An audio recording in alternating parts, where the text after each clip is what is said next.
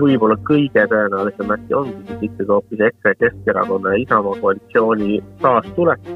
Ukraina rahvas kindlasti ei väsi, kuna Ukraina rahval ei ole äh, valikuid, aga Venemaa poolel võib rahvas väsida äh, noh, volatiilsus mingil määral toimib, aga üldiselt, üldine tase tõuseb jätkuvalt ja, ja kahjuks ka järgmisel aastal, nii et midagi teha ei ole mina ei näe kahe tuhande kaheksanda, kahe tuhande üheksanda kordumist. viirus kuskil ära ei kao ja, ja, ja tõenäoliselt jääb meiega veel.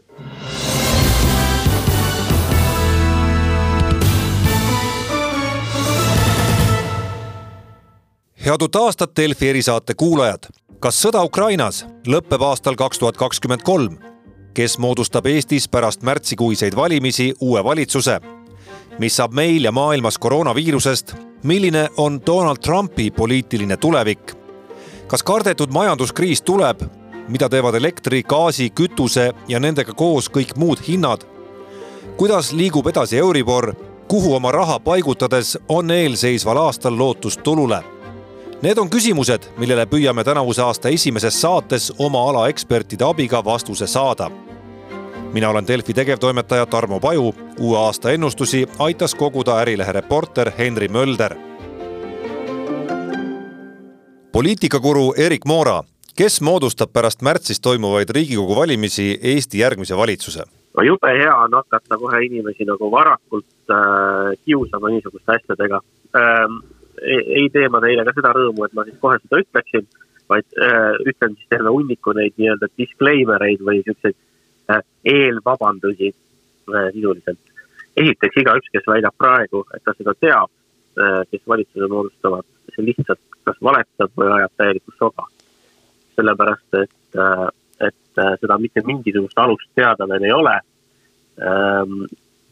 need variandid, mis valitsuse moodustamiseks pärast valimisi suure tõenäosusega tekivad, need on praegu äärmistes, äärmistes sellistes nagu tasakaaluasendites Ehm,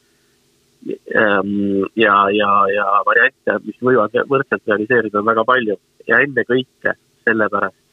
et äh, väga palju on neid inimesi, kes ei ole oma eelistust, kellel ei ole hetkel eelistust. ehk siis äh, um, üle neljakümne protsendi inimesest on hetkel ilma eelistuseta ja enamik neist ei, ei tulegi valima äh,. väga paljud jäävad kõrvale, aga äh, siiski teatav arvestatav osa ähm, vast võiks eeldada, et nendest eelistusteta valijatest umbes veerand äh, siiski või isegi natuke rohkem äh, valimispäevaks siiski äh, kujundavad oma eelistuse välja, mingi kellegi kasuks otsustavad ja see, kuidas nad seda teevad ja kelle kasuks, see sõltub väga palju mingitest sündmustest, meeleoludest,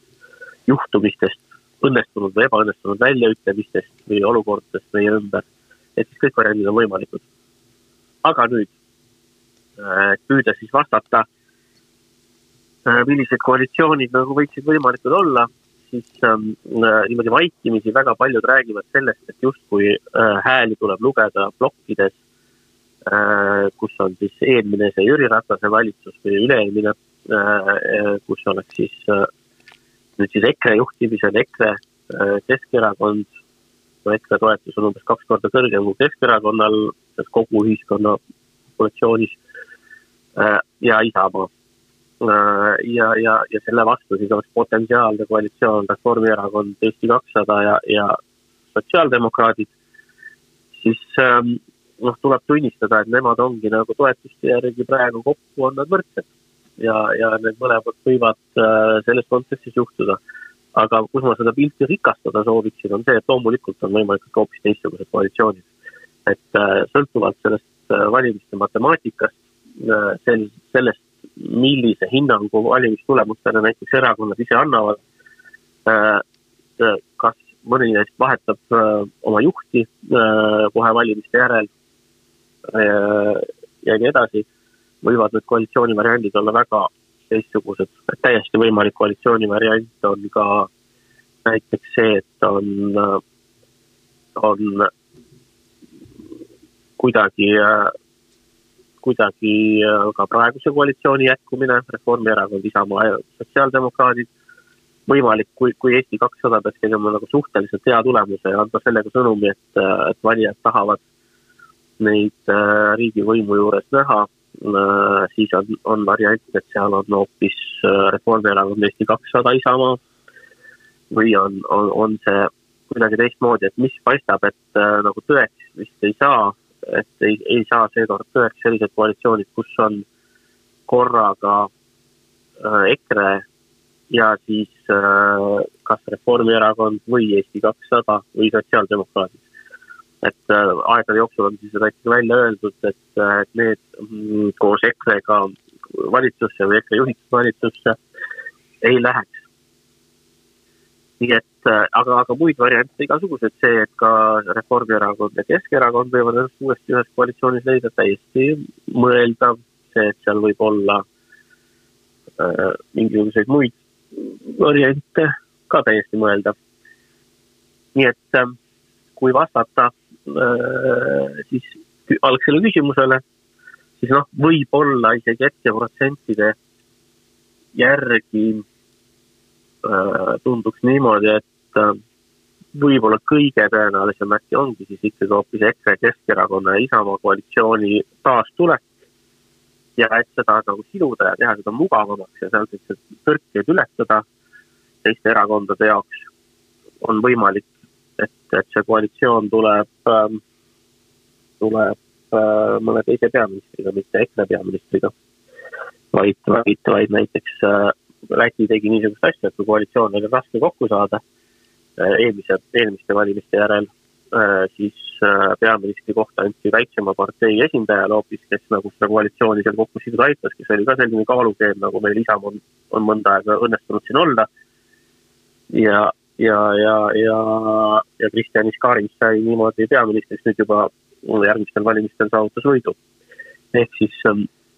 ähm, äh, siis see võiks justkui tähendada seda, et võib-olla suudetakse kokku leppida mingi koalitsioon Äh, sellisel moel, et äh, peaministri koht, no ütleme näiteks läheb Isamaale või kes iganes see väiksem partner seal on, kes ühendada suudab. teoreetiliselt, teoreetiliselt võib-olla on suhted parteijuhtide vahel dünaamikaga selline, et mingitel asjaoludel võib, võib ka saada kas sotside või Eesti kahesaja juhist hoopis peaminister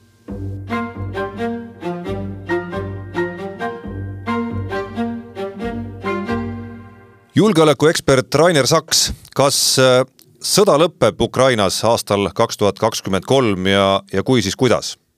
selle sõja lõpetamiseks on äh, kaks sellist murekohta või, või nagu otsustuskohta oleks õigem öelda. üks on äh, Venemaa poolel väga selgelt seotud sellega, et kas Venemaa juht on valmis oma vägede täiendamiseks läbi viima uue mobilisatsiooni juhul, kui nad seda ei tee, siis nad ei ole võimelised järgmise aasta lõpuni Ukraina vastu sõda pidama, siis peaks tulema juba mingi vaherahu või, või paus sõjategevuses, sest need väed, mida nad praegu kasutavad sellisel viisil, saavad lihtsalt otsa. Ukraina vaates on kõige olulisem otsustuskoht see, kas lääneriigid on valmis aktsepteerima Ukraina edasist relvastamist,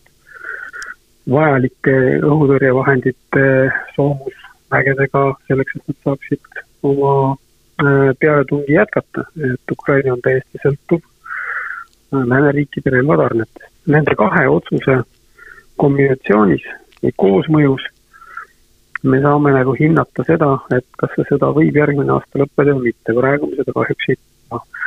seni äh, noh, ei ole kummagi poole juhid näidanud üles mingisugustki valmisolekut Äh, sõjategevus kiiresti lõpetada. Ukraina rahvas kindlasti ei väsi, kuna Ukraina rahval ei ole äh, äh, valikuid. Venemaa on pannud äh, võitlus, noh, et selle et, olukorra ette, et nad võitlevad oma elu ja surma pärast. ja Ukraina rahvas on otsustanud ellu jääda. aga Venemaa poolel võib rahvas väsida. ja milles on asi? asi on selles, et Äh, Venemaa juhtkond ei räägi sõjas toimuva kohta tõtt. Venemaal on väga suured kaotused, Venemaa varjab neid kaotusi. ja teine oluline moment on noh, olukord Vene majandusega. see olukord Venemaa majandusega ei ole nii tähtis, ta võib võimendada pettumust, aga antud juhul see ei ole see põhiline. kõige olulisem on see, kui Venemaa inimesed saavad aru, et neile pidevalt valetatakse selle sõjas toimuva kohta ja, ja Vene armee ei ole kokkuvõttes edukas, kui see nagu välja tuleb või kuidagi Venemaa ühiskonda kohale jõuab, siis on suur võimalus, et Venemaa inimesed võivad kanaliseerida oma, oma rahulolematusega siis rahulolematuseks äh, valitsuse vastu. nii et äh, noh, see on nagu see, mida mina olen nimetanud, on selle tuhande üheksasaja seitsmeteistkümnenda aasta veebruari nagu stsenaarium, et kus, äh, kus noh, mingisugusest, kus, kus mingisugusest rahulolematust ühiskonnas võib kasvada suurem rahulolematus võimude vastu, kui võimud ei ole enam usaldusväärsed. On see, on see nii-öelda vale väljatulek või, või selline nagu rahulolematus, mis sünnib sellest üldse realistlik, realistlik või, või, või äkki on Venemaa ühiskond kusagil, kusagil nii-öelda orwellilikus stiilis juba läbinud mingi punkti, kus, kus enam ei olegi vahet? väga raske hinnata. Venemaa ajaloos on seda äh, emotsionaalset rahulolematust paremalt olnud peale Vene-Jaapani sõja kaotust, peale Esimese maailmasõja kaotust no tavaliselt ajalugu kordub mitte täpselt samamoodi, nagu see on juba olnud, selle tõttu tõesti ei saa nende varasemate sündmuste puhul tõmmata otse paralleeli tänapäeva. aga tegelikult ikkagi veel Venemaa ametlikus narratiivis on ju Venemaa see, kes dikteerib, mida Ukraina peab tegema, ehk teisisõnu saadakse küll aru, et kõik ei lähe nii hästi, kui siin alguses lubati aga seda, et Venemaa on selgelt kaotanud, ei ole Venemaa ühiskonnale veel nagu ilmselgelt kohale jõudnud. nii et see on nagu, ma pakun järgmise aasta esimeste kuude küsimus, kas see võib tõusta probleemiks või mitte. aga see võib tõepoolest, nagu te nimetasite, võib see olla ka niisugune Orwelli äh, äh, olukord, kus äh, ühiskond on nagu minetanud võimi reageerida sellisel kujul kui sõja lõpp on kokkulepe, mida ta, mida ta enamasti on, siis, siis praegust reaalset seisu vaadates, milline see realistlik kokkulepe olla võiks? see realistlik kokkulepe tegelikult äh, eeldab seda, et äh, Venemaal peab toimuma veel väga palju muutusi. praeguses faasis ei ole Venemaa võimeline pakkuma sellist äh, sõja lõpetamise kokkulepet, mis oleks vähegigi teist poolt respekteerib ja austab. selle tõttu ei ole hetkel nagu väga noh, mõtet rääkida nagu sellest, et milline see kokkulepe olla võiks. on arusaadav Ukraina juhtidele, on arusaadav lääneriikidele, et Venemaa peab veel kandma kaotusi selleks, et hakata nii-öelda oma tegelikku olukorda päriselt nagu tunnistama. see majanduslikud kaotused äh, hetkel veel ei avalda sellisel kujul mõju, Venemaa juhtkond on nendest teadlik. Äh, aga kuna nende nagu päris reaalne tugev mõju ilmneb alles pika aja vältel, siin mõnede aastate jooksul nad arvavad, et noh, sõda lõpeb ennem ära, nad suudavad need küsimused siis peale sõja lõppu ära lahendada. probleem on ilmselgelt selles, et Venemaa juhtkond ei ole veel aru saanud oma sõjalise kaotuse ulatusest.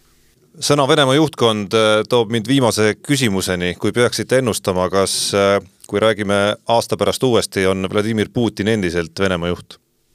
väga raske on ennustada ausalt öelda. et äh, kui seda sõda ei käiks, siis ma ütleks, et jah, ta on Venemaa president ka järgmise aasta lõpus. selle sõja tingimustes on alati võimalus, et toimub palju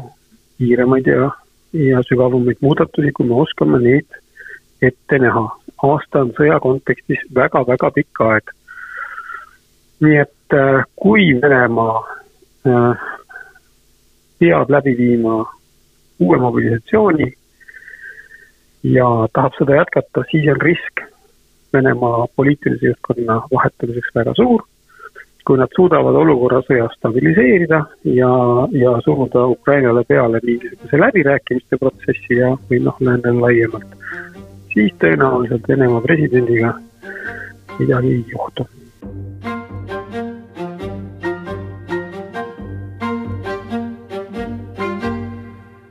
majandus majandusekspert Raivo Vare. kuhu liiguvad järgmisel aastal kütuse, energia ja gaasi hinnad? Noh, ma arvan, et ähm, kui majanduslangus jätkub ja naftaturul, rahvusvahelisel naftaturul hinnad jäävad äh, sinna, kus nad on või isegi vahepeal langevad, siis, siis tõenäoliselt vastu talve nad tõusevad uuesti koos gaasihindadega, sest gaasiturul on äh, teatud tehnilised probleemid, miks Euroopa ei suuda tõenäoliselt piisavat gaasi endale varuda järgmiseks talveks. Ja, ja seetõttu võib arvata, et äh, leevendused on ajutised, aga pikas perspektiivis, mitte ainult järgmisel aastal, võib-olla veel mitte, aga ülejärgmisest aastast alates hakkavad hinnad kasvama juba sellepärast, et oodatakse, millal emissioonikaubandus laieneb kütustele ja sealt tuleb kümme senti otsa vähemalt. siis pikas plaanis ikkagi kõik äh, need välja toodud hinnad äh, järjepidevalt tõusevad, et mingit langust otseselt oodata ei ole mõtet noh, volatiilsus mingil määral toimib, aga üldiselt üldine tase tõuseb jätkuvalt ja, ja kahjuks ka järgmisel aastal, nii et midagi teha ei ole ja siin on, siin on eh, noh, põhiline meede selle vastu on eh, riigi poolt vaadates on maksude teema üle vaadata, kas tahetakse neid makse nii palju sealt korjata veel lisaks või mitte. ja, ja inimeste poolt vaadates kokkuhoid, kas on kuskilt võimalik natuke vähem tarbida seda kallinevat kütust või mitte just, aga, aga, aga mis te leiate, kui agressiivne see hindade tõus võrreldes näiteks äh, selle ja eelmise aastaga olla võib? pean silmas no, kahe tuhande kahekümne teist ja kahekümne esimest siis. Jah, ma saan aru, kakskümmend üks ei kõlba võrdluseks, sellepärast et kahekümne esimesel aastal veel üksjagu mõjutas esiteks äh, pandeemia, teistpidi pandeemiast väljatuleku algus, mis oli ju taastumisperiood ja tarb-, tarbimise kiire kasvamine. Ja see natukene rikub pilti, võrrelda tuleb pandeemia eelse ajaga see on esiteks. teiseks, äh, teiseks äh, see agressiivsus otseselt äh, sõltub sellest, mis juhtub,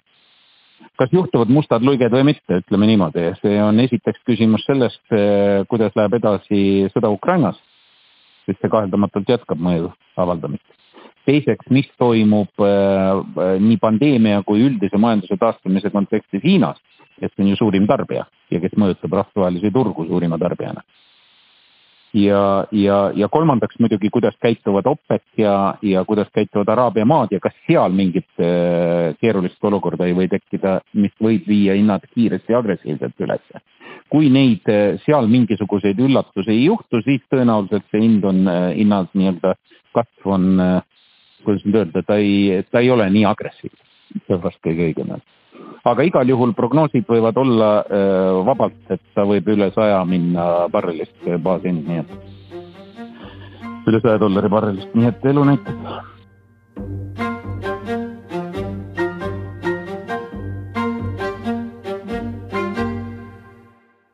SEB privaatpanganduse strateeg Peeter Koppel. mis te arvate, kui kõrgele ja kui kaua veel kerkib Euribor? Euribor kerkib tekib äh, praeguste arusaamade kohaselt äh, kuskil järgmise aasta keskpaigani või sealt veidikene üle. et see on selline esialgne arusaam, aga kui inflatsiooni kontrolli alla ei saada, siis ta võib kerkida ka veidikene kauem või siis teine võimalus on see, et kui äh, juhtub nii-öelda mõni õnnetus, mis väga sageli kipub intressimäärade tõstmise lõpetama, siis lõpp, võib, võib lõppeda ka varem kui ma nüüd peaks mõtlema, et kuhu ta võib välja tõusta, et noh, võiks välja tõusta, välja tõusta kõrgemale kui kolm. Äh, võib-olla, aga, aga, aga, aga ma ei, ma ei pane pahaks ka kellelegi, kes äh, juba praegu arvestab äh, nelja paratamatult see kõrge protsent tekitab meile ka seose, et, et, et, et see kõik Äh, võiks, võiks viidata majanduskriisile ja, ja ka, ja ka palju muid indikaatoreid on äh, tänavusest aastast tulnud, et tuleval aastal võiks tulla majanduskriis. kuidas teie seda, seda asja hindate? no ma ütleksin niimoodi, et iga surutis ei ole nüüd veel päris kriis. ja kui me nüüd mõtleme sellele, et milline see üldine arusaam nagu globaalse majanduse suhtes on, siis see üldine arusaam kipub olema ikkagi selline, et esimene poolaasta on problemaatiline, muuhulgas äh, ka just nimelt nende intressitõusude pärast.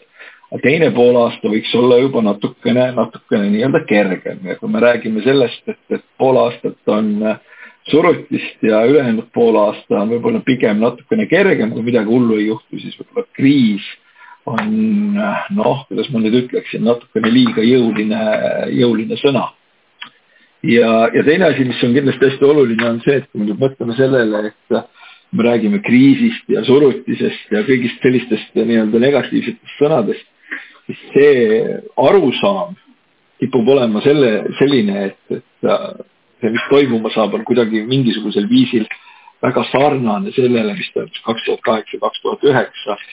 noh, mina ei näe kahe tuhande kaheksanda, kahe tuhande üheksanda kordumist lihtsalt sellepärast, et siis oli tegemist likviidsusprobleemidega ja likviidsusprobleemide puhul teatavasti noh, me oleme me kümme aastat elanud keskkonnas või isegi natuke rohkem, kus kus siis on kohe trükimasin käima pandud ja, ja keskpank on appi tõtanud. see siis tähendab seda, et kui mingisugune tõsisem kriis või šokk tuleb, siis äh, see ei saa olema sarnast tüüpi, sarnast liiki ja ennast sugugi välja mängima sarnaselt sellele, mida ta tegi kaks tuhat kaheksa, kaks tuhat üheksa.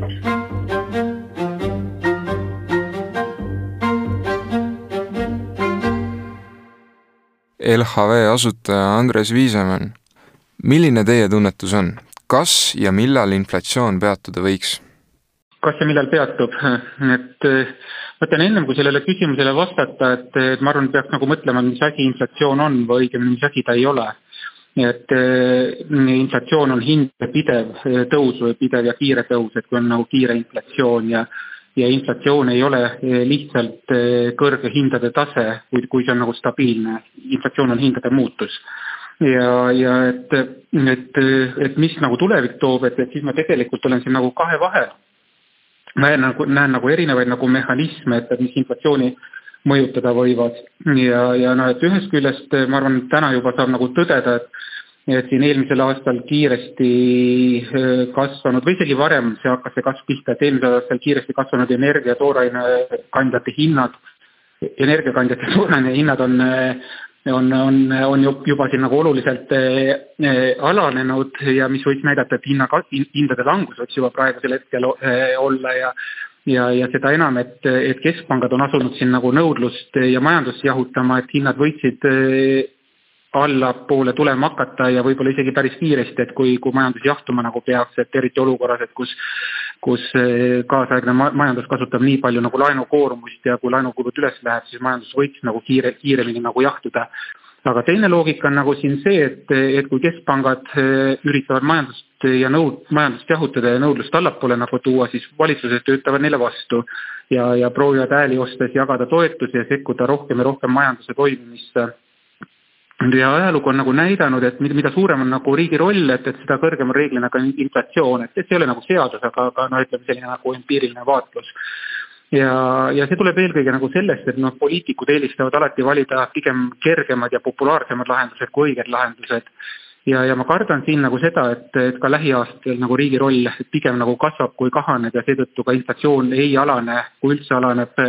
Eh, nii kiiresti, kui, kui, kui ta võiks nagu alaneda, et, et mul ei ole siin nagu ütleme niisugune kindlat seisukohta, kas ta tuleb alla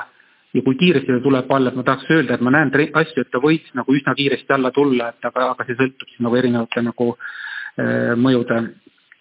erinevatest mõjudest ja vastumõjudest ei, ma ütlen nagu eesmärk on nagu põhimõtteliselt, keskpangad on pikaajaliselt nagu rääkinud kaheprotsendilisest nagu hinnakasvust, mis on normaalne, ühest küljest võiks üldse nagu küsida, et mikspärast hinnad üldse peavad nagu kasvama, et, et mikspärast see kaheprotsendiline kasv ja ja selline veider olukord isegi oli, et vaata, et oli üks koma seitse ja siis üritati null koma kaks, null koma kolm protsenti kõrgemaks seda saada ja sellepärast nagu eh, tehti seda erakorralist nagu rahapoliitikat ja selle null koma kahe, null koma kolme protsendi nagu liiga madala inflatsiooni pärast muretseti nii palju, et, et see seati üles siis noh, Eestis tõusis see kahekümne protsendi, no Euroopas nagu kümne protsendi peale, ma usun, et et käesoleva aasta nagu lõplik number e-, Euroopas jääb nagu allapoole nagu kümmet protsenti, aga, aga ma usun, et et kui, kui rääkida inflatsiooni alanemisest, et ma, ma ise usun, et täitsa võimalik on, et, et kui ta on nagu järgmise aasta lõpuks või järgmise aasta number kokku tuleb kuskil mingi nelja protsendi peale, et miks mitte, on ju, ja ja, ja õige pea nagu uuesti tagasi nagu sinna kahe protsendi nagu kanti, et ma ma arvan, et see ei ole nagu välistatud ja, ja kui majandus peaks järsult jahtuma, et ei ole välistatud ka see, et, et hinnad pigem nagu langevad, kui, kui nagu tõusevad, et, et, et ka sel, seda ei pea nagu noh, ei saa nagu ära unustada, et me võime sellesse samasse olukorda nagu tagasi nagu pöörduda. mis ei tähenda see, et, et intressid nagu uuesti nagu negatiivseks möörduvad, ma arvan, et intre-, et intressid olid vahepeal negatiivsed, et see oli pigem noh, suur rumalus on ju, tagantjärgi nagu vaadatakse ja raputatakse pead, et kuidas nii palju nagu kõrge majanduskraadiga inimesi kollektiivselt nii rumalaid asju nagu tegid. aga ma, ma arvan, et ei saa välistada ka see, et me mingil hetkel nagu taas sellisesse jääaega nagu tagasi nagu langeme, et kus, kus, kus hinnad ei kasva ja, ja võib-olla ka majanduskasv jääb üsna nagu puduraks aga võtame siit täiesti hüpoteetiliselt, et, et inimesel on tuleval aastal äh, suurem hulk äh, raha kätte sattunud. kuhu mm -hmm. te tänase, tänase prognoosi pealt sellele inimesele julgeksite soovitada raha panna, kas äh, võiks panna aktsiatesse või võiks panna hoopis näiteks kinnisvarasse mm? okei okay,, no ma ütlen, ega aktsiad ja kinnisvara pole ainsad nagu, ainsad investeeri-, investeeritavad nagu varaklassid, et et kuigi siin nagu võlakirjaturud tulid eelmisel aastal isegi rohkem alla kui, kui, kui aktsiate ja kinnisvara nagu hinnad, et ma arvan, et see on siiski ka arvestatav vara, varaklass ja niimoodi etteruttavalt ma ütlen, et mul on järgmiseks aastaks enda, ma ei tea, niisugune eelistus ongi eelkõige ütleme sellist nagu mõistliku riskiga, aga kõrgema intressimääraga nagu võlakirja nagu turud. Ja ja no et, et kui vaadata nüüd ütleme selle võrdluses nagu aktsiad versus nagu võlakirjad, no kõigepealt tuleb nagu ütleme mõelda nagu ettevõtte kapitalistruktuuri peale, et, et noh, et aktsiad on ettevõtte kapitalistruktuuris nagu allpool, võlakirjad kõrgemal on ju, mis tähendab, kui ettevõte nagu pankrotti peaks nagu minema, siis nagu esimesena kaotavad kaotavad raha aktsionärid ja alles siis nagu võlakirja investorid, aga et ma eelmisel aastal olin sellises naljakas olukorras, kus nagu võlakirjad, mis olid madalama riskiga, nagu langesid isegi rohkem kui, kui, kui aktsiaturud on ju, sealt tekib nagu küsimus selle kohta, et et no mis siis sel, sel aastal või uuel aastal nagu edasi nagu saab, et, et, et kas noh, et võla, võlakirjad näitasid suuna kätte, nüüd tulevad aktsiad nagu veel allapoole või võlakirjad nagu kukkusid liiga palju, võiksid tõusta, on ju, ma ütlen, selliste mõistliku riskiga võlakirjade nagu tootlused on tänasel päeval noh, võib, võib leida seal nagu viie, kuue või kõrgema nagu protsendiga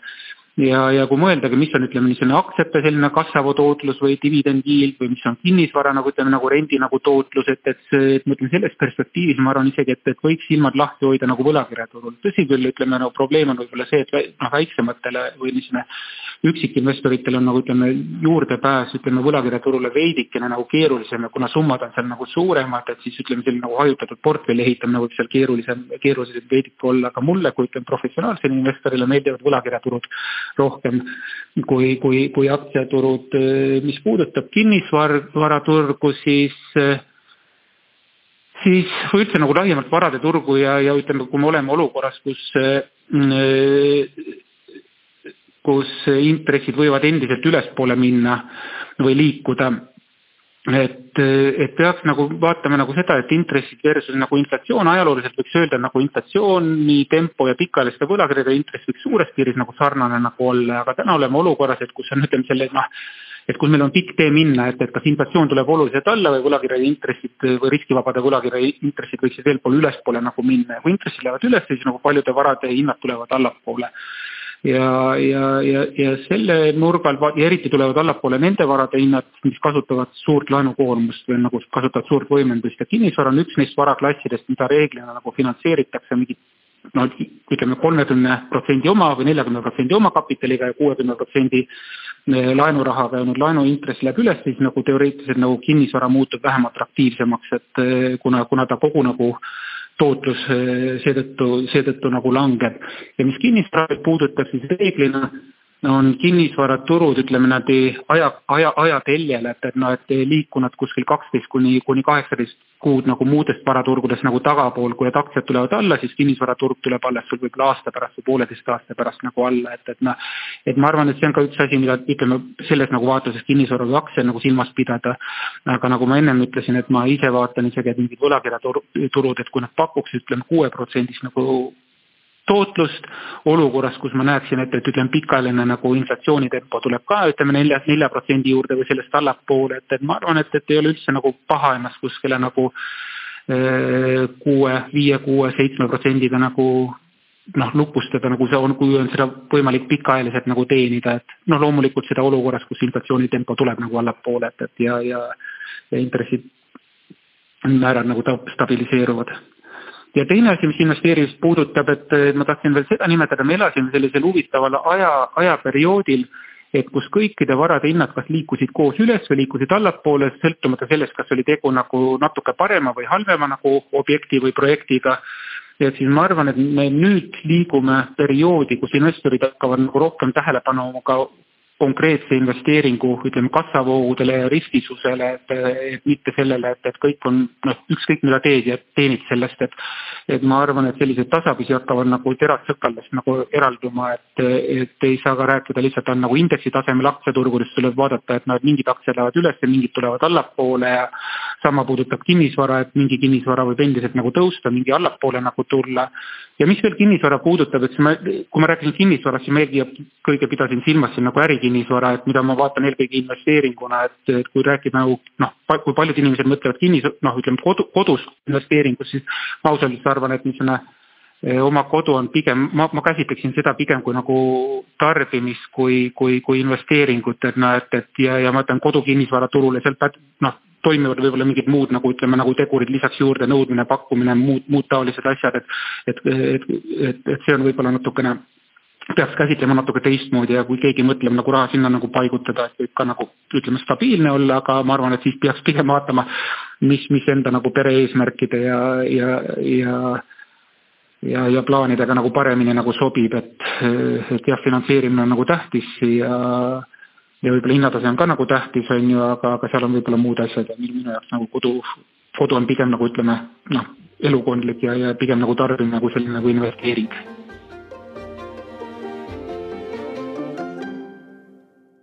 Tartu Ülikooli molekulaarimmunoloog Pärt Peterson, kas koroonapandeemia läheb eeloleval aastal ajaloo prügikasti? Äh, hea küsimus. pigem, pigem arvan, et äh, prügikasti ei lähe, pigem jääb, jääb meile mällu. midagi me, midagi me sellest oleme õppinud ja midagi sellest ka nagu tulevikku kaasa võtnud, et äh, viirus kuskil ära ei kao ja, ja, ja tõenäoliselt jääb meiega veel praktikas äh, tähendab, äh, kui mõelda kõikidele, mida me oleme kogenud seoses koroonaviirusega, piiranguid, sulgemisi, testimisi, vaktsineerimisi? no üldse Eestis on olukord päris hea, et Eestis on enamikel inimestel, see on siis valdaval üheksakümmend seitse protsenti elanikkonnast peaks olema omandanud immuunsuse viiruse vastu ja ja sellega on meie elanikkond päris hästi kaitstud. Äh, suur tänu on siin muidugi vaktsineerimisel, aga tegelikult ka omikroni tulemisega, sest omikron lihtsalt äh, oli sedavõrd natuke kergem ja tekitas üsna kiireid läbimurdeinfektsioone, mis siis tagas selle, et, et inimesed said selle immuunsuse kas nüüd vaktsineerimise kaudu või, või läbipõdemise kaudu või siis mõlema kaudu. ja, ja selles mõttes nagu noh, see, see olukord mis meil oli nüüd paar aastat olnud tagasi. et äh, see nüüd vaevalt tuleb teise kujul korduma. ja siis on üks kuid ja, või aga ja see aga on see, et, et kui viirus ei peaks nüüd muutuma. ja sellist viiruse muutumist äh, seni nagu otseselt ette näha ei ole. nii et äh, vastusena nüüd selle küsimusele ma ütleks, et julgeks arvata, et et äh, mõningad riskirühmad jäävad, vaktsineerimine jääb siiski oluliseks, seda tõenäoliselt peab tegema veelgi. Äh, aga laias laastus püsib äh, ühiskond avatuna. kui suur on tõenäosus, et sealt võib veel halbu üllatusi tulla? praeguseks on olukord pigem nii, et levib kiiresti, omikron aga sedavõrd rasket haigust ei tekita, mis siis nüüd esimesed esimesed originaalviirustüvi, aga siis nagu delta versioon. Äh, viiruse muutumist on väga raske ennustada. Äh, nüüd vähemalt see viimane aasta ei ole toimunud omikroni nii-öelda ematüvest äh, või omikroni pea nagu alatüvest väljuvaid viiruseid. et selles mõttes nagu see, seda muutust praegu ette näha on raske aga seda hinnapilvi otseselt ka ei ole. Samas peaks muidugi meelde tuletama seda, et, et äh, olukord, mis toimub praegu Hiinas ja Hiina ühiskond oli väga pikka aega suletud nulltolerantsuse tõttu. Neid nüüd piiranguid leevendati ja praeguseks hetkeks on, on kõigi Hiina suurimate linnade haiglad täitunud haigetega. ilmselt on üsna kõrge suremus. olukord on väga kriitiline praegu Hiinas. Sellise võib-olla olukorra tekkimine üldse maailmasse jäävate nii-öelda viirustaskute mm, olemasolu võivad olla üheks põhjuseks, kus, aluseks, kus kohas siis tekib ka uusi viirus, viirustüvesid. aga, aga see on puhas spekulatsioon endine ajakirjanik, USA ekspert Lauri Tankler, kas kahe tuhande kahekümne kolmanda aasta lõpuks on selgus majas, kas Donald Trump kandideerib uuesti USA presidendiks ja milline see selgus on? see selgus on mingil määral majas juba praegu, Donald Trump juba ütles, et ta kandideerib. küll aga äh, väga tõsiselt seda hetkel veel ei võeta, sellepärast et äh, teadupärast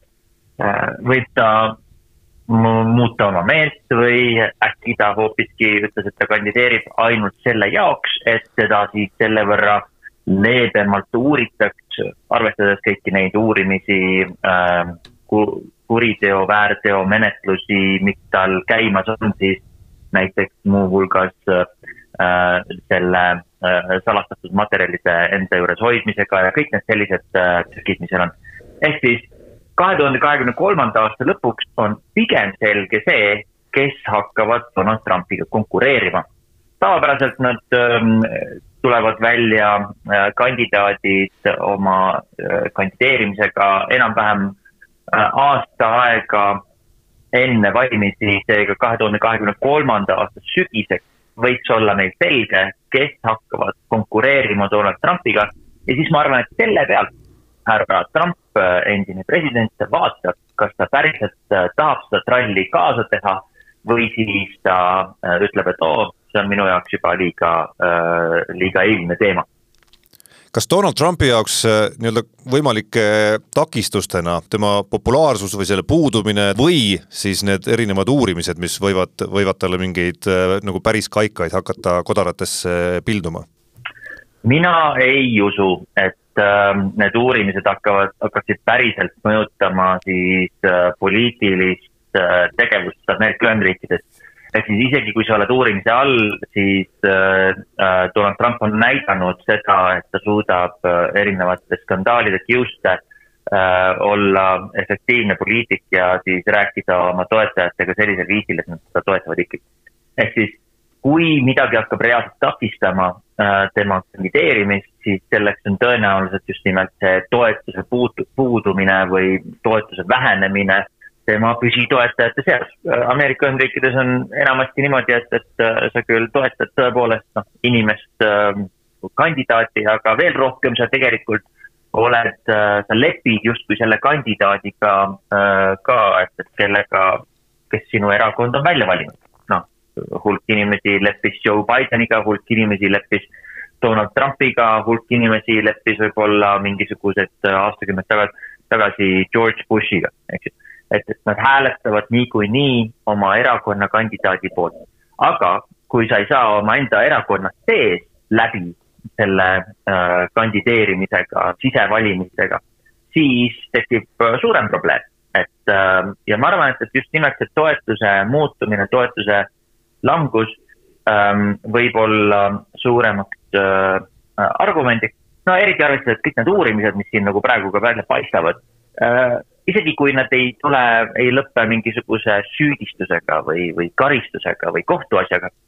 Nad ikkagi järjest rohkem ju demonstreerivad seda, et Donald Trump võib-olla ei ole kõige parem ärimees, võib-olla ta ikkagi utsitas seda äh, piltlikult öeldes äh, riigipöörde katset, kus äh, tema toetajad tahtsid Kapitooliumit rünnata või noh, ründasidki tema, äh, et ta ikkagi päriselt utitas seda ja et, et ta päriselt ähm, ei pruugi hakkama saada oma poliitiliste lubadustega, mida, mida ta tegelikult kunagi on lubanud. ehk siis see on pigem selline avalikkuse silmis äh, toetuse langus, mitte võib-olla konkreetne poliitiline takistus, mis äh, võib hakata tema otsust mõjutama